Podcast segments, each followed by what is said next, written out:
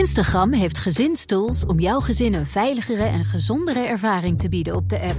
Wanneer tieners hun Instagram-profiel instellen, zorgt standaard privé-accounts ervoor dat wat ze posten privé blijft voor hen en hun volgers.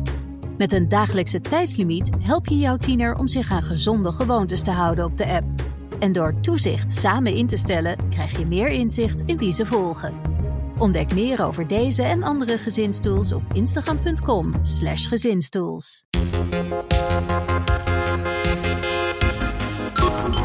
De Eerste Golfoorlog was de eerste oorlog waar het ruimtedomein een grote rol speelde. Zonder dat waren de Amerikanen niet zo effectief geweest. En nu zie je dat eigenlijk het nieuwe in deze Oekraïne-oorlog is dat er ook commerciële civiele bedrijven zich mengen eigenlijk in het ruimtedomein met hun diensten die essentieel zijn voor Oekraïne om, uit, uh, om hun oorlog te voeren. Maar wat merk je daarvan nu dan tijdens deze oorlog? Nou, onder andere de berichten van uh, Medvedev, de vicevoorzitter van de Russische Veiligheidsraad, die zegt van Amerikaanse satellieten, ook van civiele instanties, zijn voor mij, wat mij betreft, een lonend, een, een valide doel, valide militair doel. En daarmee kom je toch wel weer in een nieuwe situatie terecht. Want wie gaat Starlink compenseren voor als de satellieten worden uh, geschoten uit de ruimte?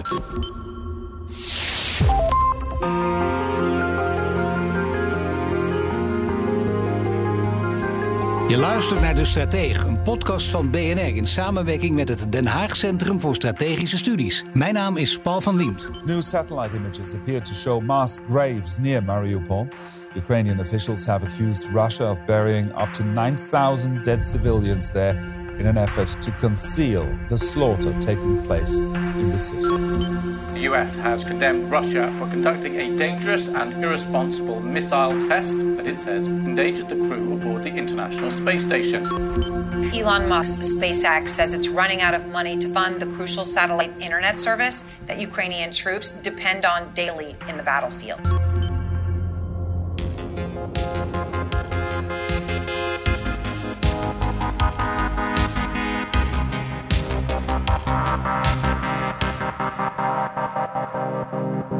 GPS, satellietcommunicatie en aardobservaties. Een militaire operatie zonder het gebruik van ruimte is tegenwoordig ondenkbaar. De wereld zit niet stil en ieder land probeert zijn ruimtemacht te vergroten. De oorlog in Oekraïne heeft een impuls gegeven aan de militaire ruimtevaart. Maar hoe belangrijk is het om een volwaardige ruimtemacht te zijn? Wat betekent dat voor de toekomst van oorlogsvoering? En hoeveel satellieten kunnen we de ruimte insturen voordat ze in elkaars zwaarwater terechtkomen? Dat ga je horen in deze aflevering van De Stratege van mijn twee gasten. Patrick Bolder, defensie-expert van het Den Haag Centrum voor Strategische Studies. En Arnold van Kleef, Research and Development Ingenieur bij het Nederlands Lucht- en Ruimtevaartcentrum NLR. Space is a warfighting domain, just like the land, air and sea. We may even have a space force. Ja, dat is dus niet Arnoud, maar dat is Donald Trump. Vijf jaar geleden, die bevestigde wat iedereen dacht. De ruimte is het nieuwe oorlogsdomein van de 21ste eeuw. En bij militaire ruimtevaart, dan denk je vooral aan, aan satellietwapens... om geopolitieke vijanden mee in de gaten te houden. Maar waar moet ik nog meer aan denken bij militaire ruimtevaart, Arnoud? Nou, militaire ruimtevaart is natuurlijk essentieel, hè, zoals je zegt, uh, Paul. Maar je moet vooral ook denken natuurlijk aan uh, onafhankelijke inlichtingen. Je moet ook uh, denken aan, aan shared, shared, early warning. Dus zeker met de nieuwe dreiging als hypersone wapens... moet je ook zeker, kun je vanuit de ruimte kun je die dreigingen vroegtijdig detecteren. Dat zou je wel moeten, want anders ben je gewoon te laat. En natuurlijk zijn de, hè, wat je eerder zei, de, communicatie, uh, positioning, navigation en timing is, is essentieel. Maar ook niet alleen dat we vanuit de aarde naar, vanuit de space naar aarde kijken, maar ook juist uh, vanuit uh, aarde naar space. Om goed space situation awareness te kunnen doen van uh, snappen we wat allemaal boven ons hoofd vliegt en betekenen we, we, kunnen we snappen wat die dreiging inhoudt. En zoals jij het omschrijft, dan denk ik, nou dat klinkt belangrijk genoeg. Uh, nu zeggen sommige mensen, ja, uh, het is wel belangrijk, maar het heeft geen urgentie. we hebben andere zaken die zijn urgent. En dit is dan toch eigenlijk een soort bijzaakje. Of begint dit echt steeds groter en belangrijker te worden? Het, het is essentieel. Zonder, zonder ruimtevaart die, dan, dan, kun je gewoon geen militaire operatie uitvoeren. Sterker nog, we zijn er zo van afhankelijk. Niet alleen militairen, maar ook wij als burger. Uh, probeer maar eens voor te stellen als er geen ruimtevaart is. Uh, geen, geen GPS, geen satellietcommunicatie. Um, je, kunt ook sowieso de communicatie op aarde wel afschrijven, want alle communicatiemiddelen hangen af van het GPS-tijdsignaal. Dus als je dat ook niet hebt, ja, uh, hoe kunnen we dan onze, hoe kunnen we dan economisch door? Uh, en natuurlijk ook voor onze, onze voor een veilige samenleving heb je toch echt militaire ruimtevaart nodig om dat te kunnen garanderen. Nou ben jij naast de research en development ingenieur, ben je ook programmaleider Future Air and Space Power. Maar wat is dat precies? Want dat is een, hele ruime term lijkt het. Dus er zijn misschien heel veel dingen waar jij je mee bezighoudt. En bovendien er zijn ook mensen die ook nu ons kijken en die denken, hij heeft wel een mooi kunstwerk ook meegenomen. Dat is ook iets waar jij je mee bezighoudt. Uh, zeker. Ik zal het allemaal even rustig uitleggen. Uh, ten eerste het Future Air and Space Power. Dat is een van de negen strategische programma's van het, van het, van het NLR. Daar ben ik programmaleider van. Dat is de bedoeling omdat wij oplossingen voor defensie aanleveren leveren. Zodat ze daarbij wendbaarder zijn, dat de slagkracht, uh, slagkracht omhoog kan. En dat doen we voornamelijk vanuit, een, vanuit de kennisopbouw en, en ook technologieontwikkeling. En uh, zoals je zei, het, het, programma is ontzettend breed. Ja. Uh, space is daar een onderdeel van. Uh, maar natuurlijk ook als we gaan kijken naar operationele inzet wapensystemen, elektronische oorlogsvoering, cyber zit daarin, drones, counterdrones.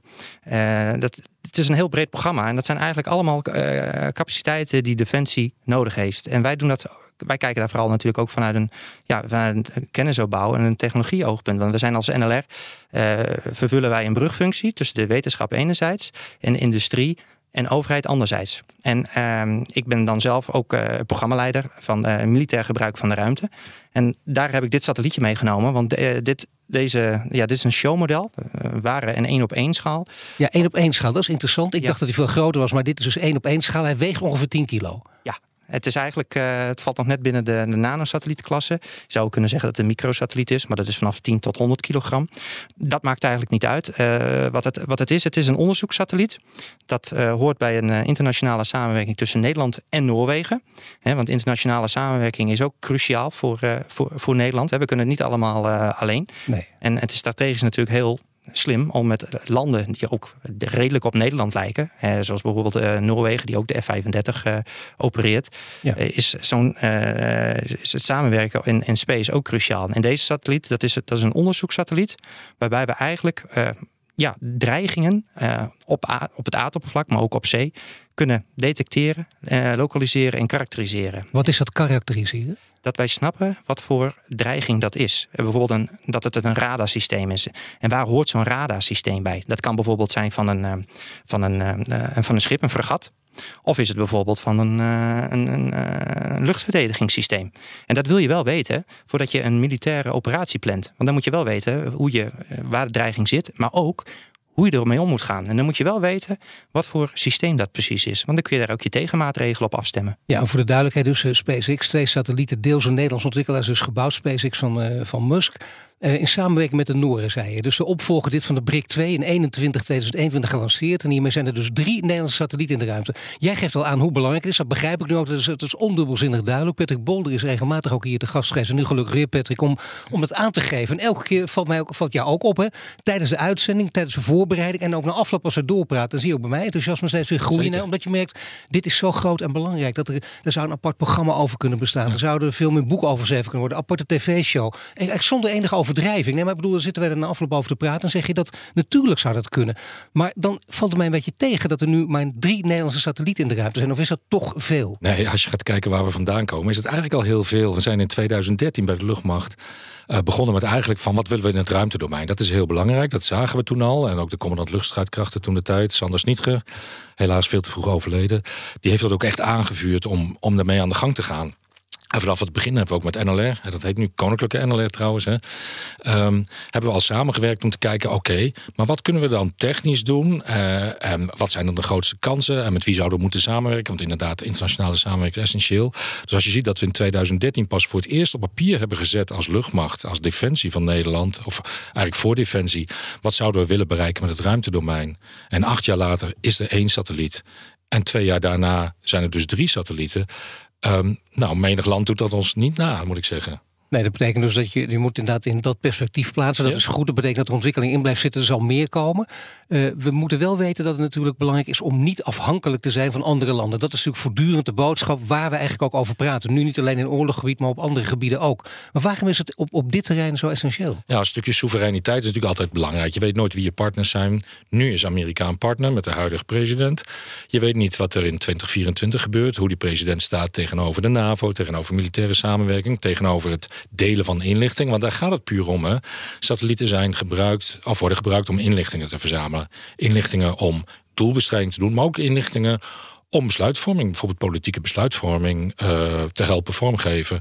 Ja, en dan moet je wel zeker weten dat die inlichtingen ook betrouwbaar zijn en dat die uit de betrouwbare bron komen. Dat niemand daarmee heeft zitten viespeuken, zeg maar, uh, zogenaamde spoeven of jammen. Uh, dus dat is wel heel belangrijk dat je ook eigen assets hebt. Bovendien, als je die middelen hebt, kun je de gegevens die je daaruit leert via de veiligheidsdiensten ook uitruilen met andere landen. Uh, en zo word je eigenlijk veel wijzer. Door zelf een redelijk kleine investering te doen, komt er een massa aan informatie naar je toe.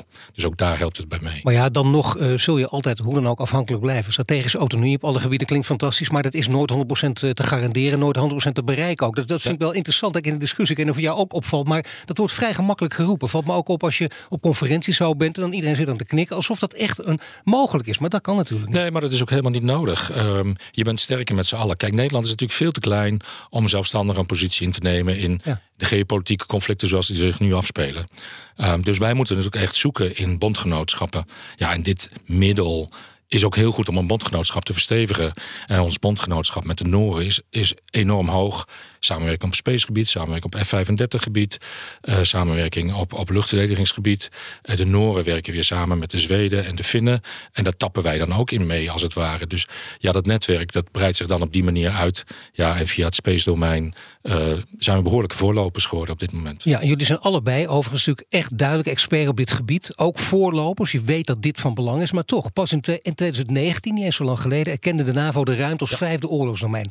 Nou ja, dat is er drie, vier jaar geleden. Waarom hebben we niet eerder ingezet op uh, ontwikkelingen in de ruimte, Arnoud? Nou, toen was het eigenlijk, ja, stond het op Nederland nog niet op de, uh, zo dusdanig op de agenda. Uh, Defensie had ook nog geen opdracht gekregen om ook uh, te werken binnen, ja, binnen de militaire ruimtevaart. Maar dat is gelukkig sinds eind. Mag ik even weten waarom dat zo moeizaam was? Ik probeer me dat een voorstelling van te maken. Dat betekent dat er gesproken wordt, je komt op zo'n kamer en dan word je meteen weggelachen als je daar binnenkomt, of niet? Ja. Of van nou, leuk jongens, echt leuk speeltje voor jullie, begrijpen het ook, maar het is nog niet belangrijk. Ik heb er wat dichterbij gezeten misschien dan Arnoud.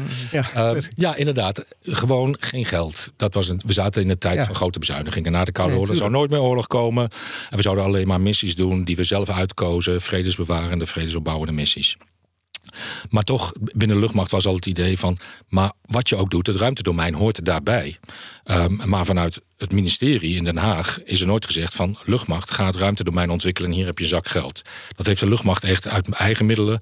Dus moeten zorgen dat we wat minder mensen aan F-35 onderhouden... wat minder mensen aan dit, wat minder mensen aan dat. Zodat we een potje geld hadden om volgens mij zes mensen dagelijks aan het werk te houden met het ruimtedomein.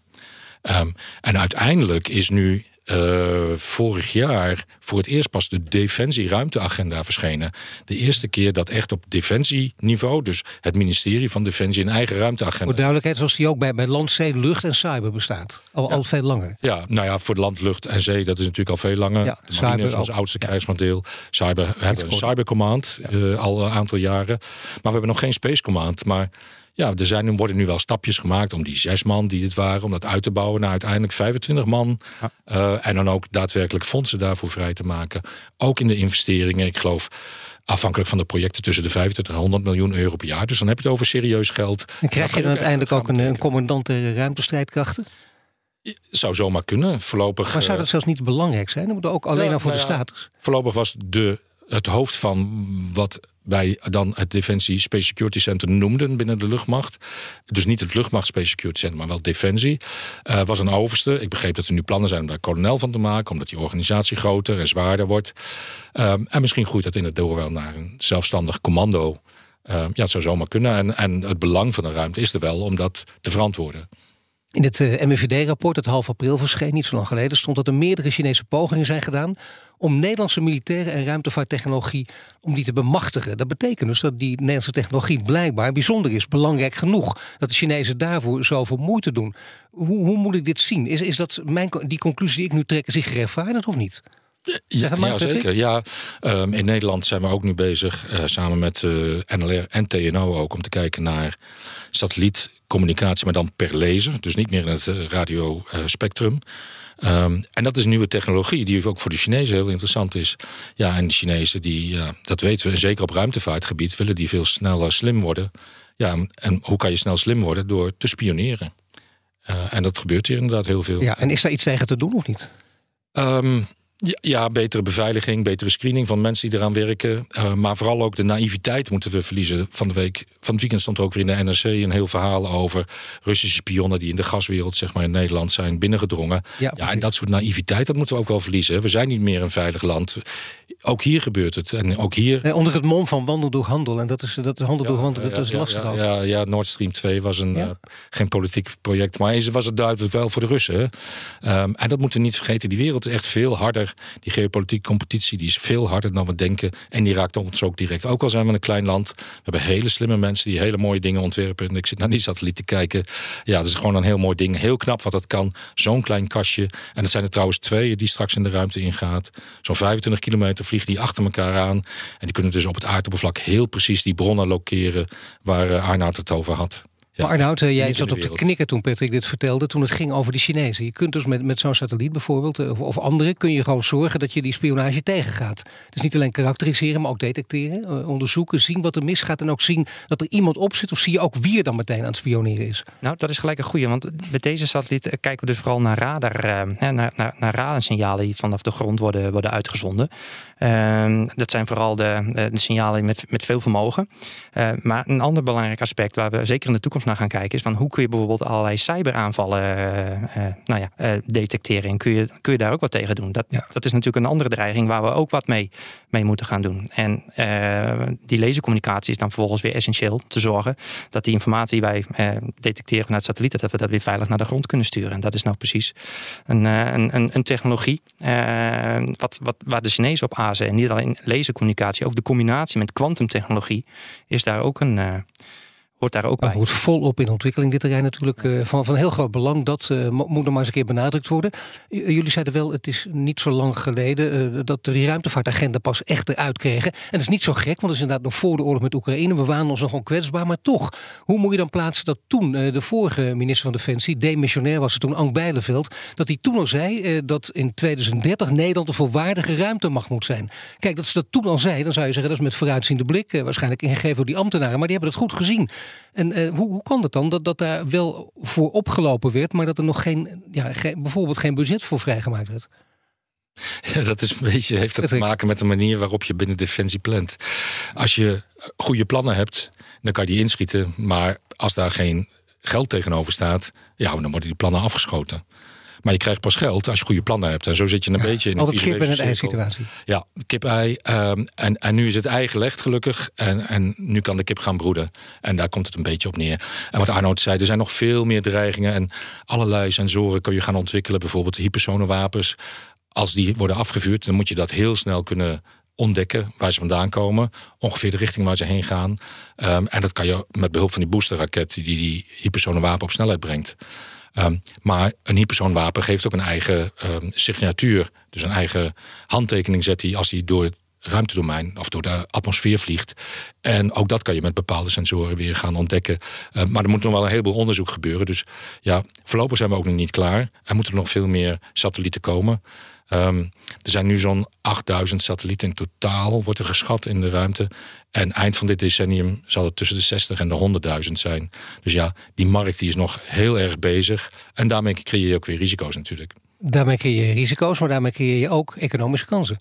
Absoluut. Hele, hele grote kansen zelfs, of niet? Ja, ja, ja, ook voor het Nederlands bedrijfsleven, wat al, zoals gezegd, heel slim is. Daarom komen die Chinezen hier ook uh, spioneren. Um, en als je goede dingen ontwikkelt, ja, dan kan je dat ook breder in de markt zetten. Dus absoluut, ja. Als je kijkt naar de oorlog, eh, wat is de rol van de militaire ruimtevaart in, in voorbijgaande oorlogen? Kan iemand voor jullie daar iets over vertellen? Want dat is, dan hebben we een korte geschiedenis eventjes wat die militaire ruimtevaart teweeg heeft gebracht. Nou, tijdens, de eerste golf, tijdens de Eerste Golfoorlog natuurlijk het gebruik van GPS voor uh, precisiegeleide wapens. Dat, en, en, en, natuurlijk ook inlichtingen. Je moet ook weten waar je de wapens op moet afvuren. Dus je moet ook heel goed weten uh, waar je dreigingen staan. En dat ook continu bijhouden. Dus dat betekent dus ook dat er inderdaad eh, minder misgeschoten wordt. Om het even heel simpel te zeggen. Dat zien we ook heel vaak. En dan weet je dat de andere partij het gewoon niet goed op orde heeft als dat gebeurt. Nou, veel complexer nog eigenlijk. Hè? Het is golfoorlog, GPS, dus uh, positiebepaling, tijdbepaling. Um, die had je nodig om ook je voorraden op het juiste moment op het juiste punt te krijgen. Um, die, die, beweging door de woestijn heen, die had niet gemaakt kunnen worden om de Iraakse troepen in te sluiten. Die had niet gemaakt kunnen worden zonder GPS. Um, doelobservatie heb je nodig. Uh, en dat moet ook eens een keer heel snel gaan. Want soms zijn doelen time critical. Dat je op een bepaald moment moet je dit doel uitschakelen. Want anders is die te ver of is het moment voorbij. Uh, ook daarvoor. Dus, dus ja, allerlei toepassingen. Uh, de Eerste Golfoorlog was de eerste oorlog waar het ruimtedomein een grote rol speelde. Zonder dat waren de Amerikanen niet zo effectief geweest. En nu zie je dat eigenlijk het nieuwe in deze Oekraïne-oorlog is dat er ook commerciële civiele bedrijven zich mengen eigenlijk in het ruimtedomein met hun diensten die essentieel zijn voor Oekraïne om, uit, uh, om hun oorlog te voeren. Maar wat merk je daarvan nu dan tijdens deze oorlog? Onder andere de berichten van uh, Medvedev, de vicevoorzitter van de Russische Veiligheidsraad, die zegt van Amerikaanse satellieten, ook van civiele instanties, zijn voor mij wat mij betreft een lonend, een, een valide doel. Valide militair doel. En daarmee kom je toch wel weer in een nieuwe situatie terecht. Want wie gaat Starlink uh, compenseren voor als de satellieten worden uitgeschoten uit de ruimte? Ja. En Starlink heeft al een heleboel satellieten daar zitten. En wat gebeurt er met de brokstukken? Uh, allemaal nieuwe dingen die komen. Er gaan ook heel veel ruimteadvocaten heel veel geld mee verdienen. nou ja, dat is het ja, lijkt me serieus. Ja, nou ja, in Amerika kunnen advocaten veel geld verdienen. Maar Sowieso, of, de, ja. of, de, Russen zullen betalen, dat is natuurlijk maar de vraag. Nee. Nou, de uitgelekte uh, Pentagon-documenten daar heb ik nog een tekst mhm. van voor me liggen. Namelijk dat China de cyberwapens ontwikkelt om vijandelijke satellieten mee te kapen. En hiermee kunnen ze communicatie verstoren, wapens uitschakelen, waar we het een beetje over hadden. Maar hoe gevaarlijk is dat met het oog op de toekomst van met name de militaire ruimtevaart? Nou, dat, dat, is een serieuze dreiging, want daarmee kunnen we eigenlijk onze eigen assets, assets in de ruimte ontzegd worden als zij uh, onze communicatiemiddelen gaan, uh, gaan lopen spoeven. Nou, moet je je voorstellen, als je geen communicatie hebt, ja, dan, dan zitten we in het blind, uh, zitten, we, zit, zitten we niet alleen te kijken, maar we kunnen ook geen berichten meer versturen. En bovendien, zij kunnen ook afluisteren zonder dat wij het weten. Dus daarom is het ook goed om space situational awareness te hebben, dat wij weten van, hey, wat doen die Chinezen dan? Welke, welke objecten hebben zij? Welke satellieten? En wat kunnen die dan? Dus maar wat ik in het begin eigenlijk suggereerde van misschien is het wel een bijkomstigheid, of wordt het door sommigen zo gezien, kun je beter nog zeggen, dit ligt aan alles ten grondslag. Aan alles wat je doet. Dat klopt. Dan hadden we het ook over de commerciële ruimtevaart. En dat is ook een belangrijke, want uh, je hebt inderdaad gelijk, de rol van de commerciële ruimtevaart is groter geworden. Maar is dat ook een beetje in percentages uit te drukken? Zijn er onderzoeken over verschenen om aan te geven hoe groot die rol is? Is dat nog een bijrolletje of is het ook steeds groter en belangrijk aan het worden? Nee, als je ziet naar in, in het begin van de oorlog, Oekraïne-oorlog, wisten de Russen de communicatieapparatuur van de Oekraïners te vernietigen of te verstoren. En uh, Elon Musk van uh, SpaceX uh, bood zijn Starlink-constellatie aan. En een heleboel schotels om de signalen van die constellatie te ontvangen. En zonder dat had Oekraïne, Oekraïne niet coherent de verdediging kunnen inrichten. En zouden ze gewoon overlopen zijn. Dat Rusland heeft dan ook officieel een klacht ingediend bij de Verenigde Naties. En dat is allemaal voor. Ja, nee, je bent het allemaal voor de vorm. Maar toch, dat geeft toch al aan hoe ja. groot het is. Ja, en, en ook, uh, we kennen allemaal die beelden van die grote file die daar rond Kiev stond. Of ten noordoosten van Kiev noordwesten van Kiev, aan het begin van die oorlog, ergens februari, maart. Nou, die is gemaakt door Maxar. Dat is gewoon een satellietbedrijf waar jij en ik ook ja. foto's kunnen kopen. Met een hele hoge resolutie. Dat betekent dus dat je hele kleine objecten kunt zien.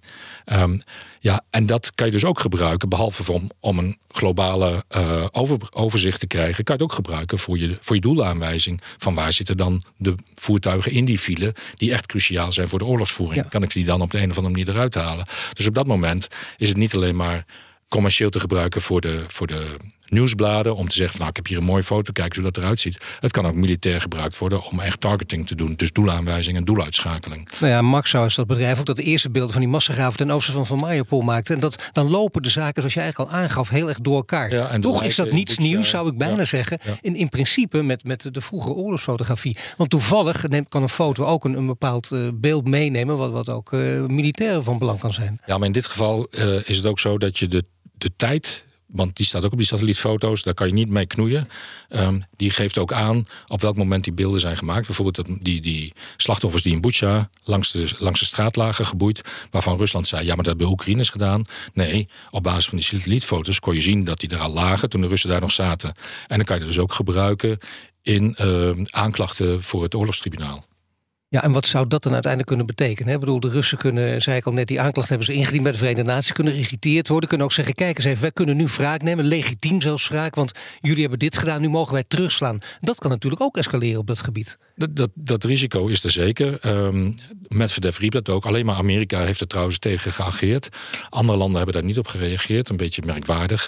Maar dat hele veiligheidsbewustzijn, dat begint nu ook pas bij de westerse, bij de Europese landen binnen te komen. Ik heb een jaar geleden in een militaire spectator ook iets geschreven over Waar moet je rekening mee houden als je satellieten in de ruimte jaagt? Je moet ze onder andere beschermen tegen cyberaanvallen, tegen kinetische aanvallen, tegen aanvallen met elektromagnetische straling. En je moet heel snel eigenlijk weer kunnen zorgen dat je nieuwe satelliet in de baan brengt als jouw oude satelliet het niet meer doet of vernietigd is. Nou, en op die manier moeten we echt gaan nadenken over het ruimtedomein. Als dat zo belangrijk is, dan moet je ook zorgen dat je assured access to space noemen we dat. Dus verzekerde toegang tot de ruimte kunt hebben. Dus je moet lanceercapaciteit hebben, je moet ontwerpcapaciteit hebben, je moet bouwcapaciteit hebben. En dat kost gewoon ook geld. Het kost geld en je hebt er ook de mensen voor nodig die gespecialiseerd zijn en dat kunnen. En dat zien we heel vaak. Het gaat ook als het over de klimaattransitie gaat, daar hebben we het ook steeds over. Dat is de kinkende kabel is van die, van die transitie, is gewoon het tekort aan mensen. Geldt dat hier ook, Arnoud, of niet? Ja, nou, wij als NLR uh, hebben zeker ook... Koninklijke NLR. Koninklijke NLR. Ja, oh, dit zelfs, ja, dat moet ik eigenlijk zeggen. Ja. Maar uh, wij, natuurlijk, wij hebben ook steeds meer mensen nodig. want uh, onze eigen defensie bouwt hun ruimtevaartcapaciteiten op. En daar hoort gewoon ja, mankracht bij. Om dat te zorgen dat, dat, dat we dat kunnen ontwikkelen. Vanuit een, een, een onderzoeksperspectief. Maar natuurlijk ook vanuit een, de operationalisering daarvan. Dus onze, onze industrie moet ook op orde. Dus dat betekent ook goede ja, industriepolitiek. Maar worden die natuurlijk, maar goede industriepolitiek, dat, dat is natuurlijk het verhaal altijd. En dat, wordt, dat, dat vinden CEO's ook vaak van bedrijven, merk ik niet zo interessant. Die moeten ook praten over die mensen die het kunnen. Worden ze wel of niet opgeleid? Terwijl dat nu steeds belangrijker en groter en nijpender wordt. Worden ze opgeleid nu? Zijn er genoeg mensen? Stel dat we het geld hebben, het budget, zijn er ook genoeg mensen om die apparaten gewoon te bedienen? Want als we die niet hebben, ja, dan staan we nog met de handen in het haar. Ja, ik, ik, denk dat dat een heel groot probleem wordt. En, en uh, natuurlijk een vrij beperkte pool van mensen waar een heleboel vraag naar is. Um, net als we dat zien met, met MBO's, de loodgieters en de timmermannen, die ja, komen precies. tekort. Maar ook op dit gebied komen we gewoon tekort. En die ontwikkelingen gaan zo snel. Ja, ik denk dat voor, voor jongelui die nu uh, lucht- en ruimtevaarttechniek studeren in Delft, ja, die gegarandeerd ja. hebben die een baan als die hierin gaan uh, verdiepen. En een hele interessante baan ook nog eens een keer. Ja, ja, nou ja een interessante en een, en een belangwekkende Zeker. baan, dat mag je ook zeggen. Want je speelt een heel grote rol letterlijk in de, in de wereldpolitiek en de geopolitiek.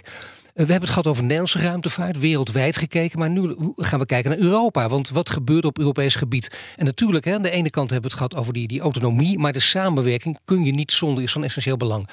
Uh, we zien ook dat landen die zich los van elkaar sterk aan ontwikkelen zijn, dat dat, dat, dat kan. Maar ja, als het een samenwerking ontbreekt, gebeurt er weinig. En dan, dan kun je niet echt potten breken. Hoe zit het met die Europese samenwerking op ruimtevaartbeleid? Arnoud? Ja, we hebben natuurlijk binnen Europa hebben de European Defence Funds. Uh, dat is natuurlijk uh, waar miljarden in zitten. En waar ook een deel natuurlijk naar nou ja, onderzoek gaat voor, voor ruimtevaart.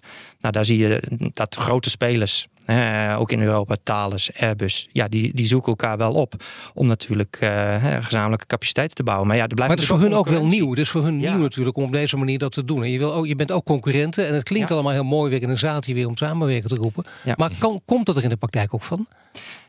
Ja, maar dat is niet altijd eenvoudig. Want je ziet toch dat uh, landen ook wel graag hun eigen agenda uh, natuurlijk uh, houden. Want ja. ja, elk land die, die, natuurlijk zijn eigen industrie naar voren. en zo heeft elk land in Europa, die heeft wel gezegd... nou, wij willen eigenlijk wel de leider zijn op het gebied van Space Situation Awareness. een ander land zegt, ja, maar ja. ik wil eigenlijk wel dat mijn industrie... de satellieten bouwt voor, share, voor shared early warning. Dus zo heeft elk land heeft natuurlijk wel zijn eigen... Kun je op dit moment, zou je al een soort, laten we zeggen... een plaatje kunnen schetsen van hoe het er in Europa voor staat? Bijvoorbeeld te beginnen met Nederland. Wat, wat is de rol van Nederland en hoe belangrijk vooral is die rol van Nederland in Europa? Ik denk dat die heel belangrijk is. Want Nederland heeft gezegd: ja, wij gaan niet kopiëren wat allemaal uh, door andere landen gemaakt is. Uh, dit, dit voorbeeld uh, is een, wat wij noemen een niche capability. Dat is eigenlijk een, een, een capability wat je niet commercieel kan inkopen. het ligt nationaal ook heel erg gevoelig. Dus wij willen, Nederland die richt zich ook: oké, okay, wat zijn dan de gaps binnen NATO waar Nederland vooral een, een rol in kan spelen? En dat is bijvoorbeeld bij Electronic Signal Intelligence, wat, waar we het eigenlijk hier zo net over hebben gehad. Ja. Dat, dat is echt een niche. En dat heb je dan ook, wat Patrick zei, van dan heb je ook die uitdaging mogelijkheid heb je dan voor, voor andere data. En dat is wat met, wat met het budget en onze eigen industrie gewoon kunnen leveren. En dat kunnen wij dus doen. Dus dan kun je ja. zeggen, Nederland staat ook, eh, stel dat, dat ik hiervan een verslag maak, dat komt in een krant, en dan mag ik een kop boven zetten, kan ik zeggen, Nederland staat op dat gebied aan de top. Of is het dan overdreven? Nou, wij doen heel goed mee. Ja, want uh, ook met de. de ja, maar dat is geen lekker. Nederland doet heel goed mee. Nee, maar dat is echt een verschil. Ja, dat klopt. Ik, wij, wij, staan, uh, wij doen een heel goed onderzoek. Uh, de, de, volgende stap is dat we dit gaan operationaliseren. En wij hebben de aandacht al van, van de Amerikanen. De, de lancering van de BRIC 2 ja. heeft echt tot goede aandacht van de Amerikanen ge, geleid. Van hey, kunnen jullie dat met zo'n klein team zo snel ontwikkelen? En kunnen jullie dat ook met zo'n klein budget? Hè? Als je Ja. gaat kijken Ja, naar dat is inderdaad, budget eh, dat speelt een rol. versus wat we, wat we voor elkaar krijgen, eh, dan kun je zeker zeggen dat we, dat we in de toppositie zitten. Ja. Ehm, en aan elke de korte tijd waar ik het al eerder over had, relatief weinig geld. Eh, ik geloof dat de BRIC 2 uiteindelijk iets van 2, 3 miljoen euro heeft gekost en 50.000 euro voor de lancering. Op een, ook weer op een innovatieve wijze met ehm, Virgin Orbit, dus onder de Boeing 747 van Richard Branson. Ook voor het eerst dat we dat hebben gedaan. Ja, dat laten we heel snel een heel groot aantal stappen zien over hoe innovatief en hoe ontwikkelend die luchtmacht eigenlijk is. En hoe Defensie daar eigenlijk ook dat omarmd heeft en eh, dit verder vooruit gaat duwen. Maar hoe is dat eh, in Europa? eh, als je alle landen op een rij zet, eh, welk land springt er echt bovenuit? Of is het, is het Duitsland of Frankrijk? Frankrijk, denk ik, maar die heel erg eh, industriepolitiek ook voert als het gaat over defensie. Ja, dat doen zijn ze natuurlijk al langer gewend, maar we doen het allemaal. De Amerikanen doen het ook. ja, is, is ook niet meer heel vies natuurlijk. Maar je moet wel zorgen dat andere landen ook een kans krijgen. Zeker als je het hebt over het Europese speelveld. Eh, Frankrijk was ook een van de eerste die zeiden van... we moeten onze satellieten gaan bewapenen. Nou ja, zover zal het niet komen. Maar dat was naar aanleiding van de Russische Cosmos 2543... die heel dicht bij een Franse satelliet ging hangen. Ja, en dat soort gebeurtenissen die, die triggeren dan wel de alertheid bij een heleboel eh, besluitvormers van ja, maar hier moeten we echt wel wat mee doen. En we moeten nu ook verder gaan. En deze Oekraïne-oorlog, die ziet dat op allerlei gebieden vinden er enorm veel technologieontwikkeling plaats. Je hoeft naar te kijken naar wat gebeurt op het gebied van drones. Valt hier een beetje buiten, maar ook op het gebied van ruimtevaart zullen er enorm veel ontwikkelingen zijn. Waarvan we pas achteraf horen van, oh, maar ze hebben het zo toegepast, ze hebben dit gecombineerd, ze hebben het zo gedaan. Nu kun je zeggen dat de samenwerkingsverbanden ook in Europa dus van belang zijn, maar wereldwijd. We noemden al, hè, jullie allemaal steeds, eh, Nederland, Noorwegen, eh, Verenigde Staten. Is er ook een, eh, als je kijkt nu, Arnoud, als je het hele speelveld bekijkt, is er ook een ideale samenwerking aan te geven tussen bepaalde landen? Stel dat er, dat er geen hobbels waren, dat er geen juridische bezwaren bijvoorbeeld zouden zijn en dat de regeringen zich niet hier heel sterk mee zouden bemoeien. Welke samenwerkingen zou jij dan voor je zien? Nou, ik denk dat er een hele goede samenwerking tussen bijvoorbeeld Nederland en Duitsland mogelijk, mogelijk is. Ik denk dat, eh, dat daar op het gebied bijvoorbeeld van eh, infrarood, het is weer een hele andere, eh, een ander soort sensor, dat we daar heel goed mee kunnen samenwerken. Maar dat moet er vanzelf gaan. Ik bedoel, op het gebied van landmacht gaat dat ook. Dus een- dat hadden we ook eerst, tenminste degene die er niet dicht op zaten, hadden dat ook niet verwacht. En hier kan het dus ook, of niet? Er moet ook budget aan de, aan de Duitse kant eh, ook zijn. Ja. kijk, iedereen moet wel in hetzelfde Nee, positie dat- zitten. En ja. we, en we kunnen nou eindelijk zeggen in Nederland, wij hebben, nou, eh, wij hebben, de, wij hebben de budgetten, we hebben, we hebben ook de ideeën. Wij, wij willen graag vooruit. En dat is, dat is ook gewoon nodig. Daarom is het ook een kans voor Nederland met onze eigen industrie, met onze kennisinstituten, om dat gewoon op te gaan bouwen. Ja, we, we hebben nog niet een massa is- hè, binnen nog- Defensie. En ehm, gelukkig is wel binnen de Netherlands Space Office, dus zeg maar het overkoepelende ministerieel niveau van, van wat gebeurt er op Nederland, in Nederland op het gebied van ruimtevaart. En sinds nu een jaar of drie is het woord veiligheid daar ook belangrijk in geworden. En wordt er ook gekeken naar die defensietoepassingen. En daarmee kan je ook weer een hoop industrie inschakelen op die manier. Ehm, Ja. Dus we staan wel, wel in de kinderstapjes maken we. Maar we hele belangrijke kinderstapjes hebben we kunnen maken de afgelopen jaren. Ja, eh, interdepartementale samenwerking is natuurlijk ook nodig. Hè? Dual use. Oh ja. ja die woorden nooit gebruiken. Die worden we, nee, want, maar het is wel, het is wel nodig. Want dat, eh, dat is precies Ja. wat Patrick zegt. Die samenwerking is in Nederland nodig. Om te zorgen dat het hele klimaat voor investeringen en eh, de overheid als launching customer, dat dat allemaal geregeld kan worden. Maar goed, als ik jullie hoor, dan is dit, ja, dit is geen begin. We zijn nog veel verder natuurlijk. Maar dit is echt een verhaal wat nog heel lang vervolgd gaat worden. En die agenda van 2030, die Bijleveld ooit schetste, 2030, zou die gehaald worden of niet? Ja, nou, het ligt een beetje aan wat je ambitie is. Maar we, we gaan hier zeker verder in. Ehm, internationale samenwerking met de Noren zitten we echt heel goed samen te werken. Die willen zichzelf ook verder. Die leren ook weer van ons. Hoe doe je militaire behoeftestelling? Hoe pas je dat toe in ruimtevaart? Met de Duitsers zitten we al vanaf het begin hebben we een uitwisselingsofficier met het Duitse eh, Space Security Center. Eh, we zitten nu ook in een NAVO. Daar zit ook een. eh, een soort spacecom op de vliegbasis Ramstein. Daar zit ook een Nederlandse militair in. En, wat, en je ziet dat het gewoon steeds beter gaat lopen. En ja, uiteindelijk, organisch gaat het wel verder groeien. Oké, heer, hartelijk dank eh, voor deze analyse en deze uitleg. Patrick Bolder, defensie-expert van het Den Haag Centrum voor Strategische Studies en Arnoud van Kleef, Research and Development Ingenieur bij het Nederlands Lucht- en Ruimtevaartcentrum. Als eerste in deze uitzending Koninklijke genoemd, de Koninklijke NLR door Patrick. Dit was de vierde aflevering van de Stratege over de ruimte. Wil je deze afleveringen en de Stratege vaker terugluisteren? Dan moet je je meteen abonneren in je favoriete podcast-app. En tot de volgende keer.